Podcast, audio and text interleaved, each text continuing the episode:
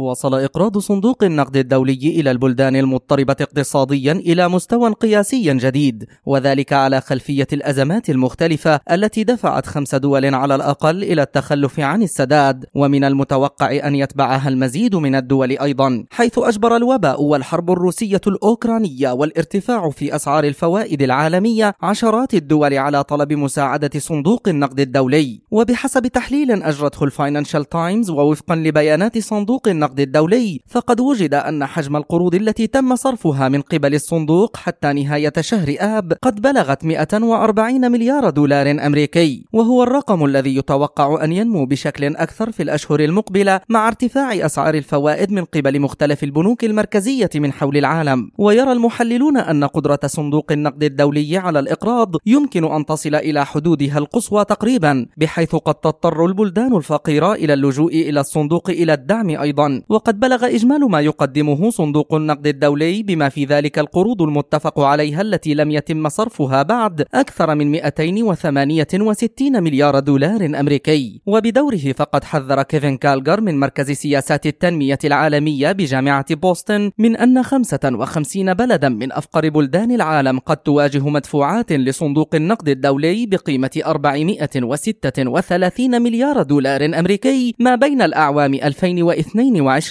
2028 فيما قلل الصندوق نفسه من شأن المخاوف حيث قال بيكاس غوشي رئيس القسم في إدارة الاستراتيجيات والسياسات في الصندوق إن إجمالي التزامات الصندوق لا تزال جزءا بسيطا من مبلغ تريليون دولار التي يمكن أن تكون متاحة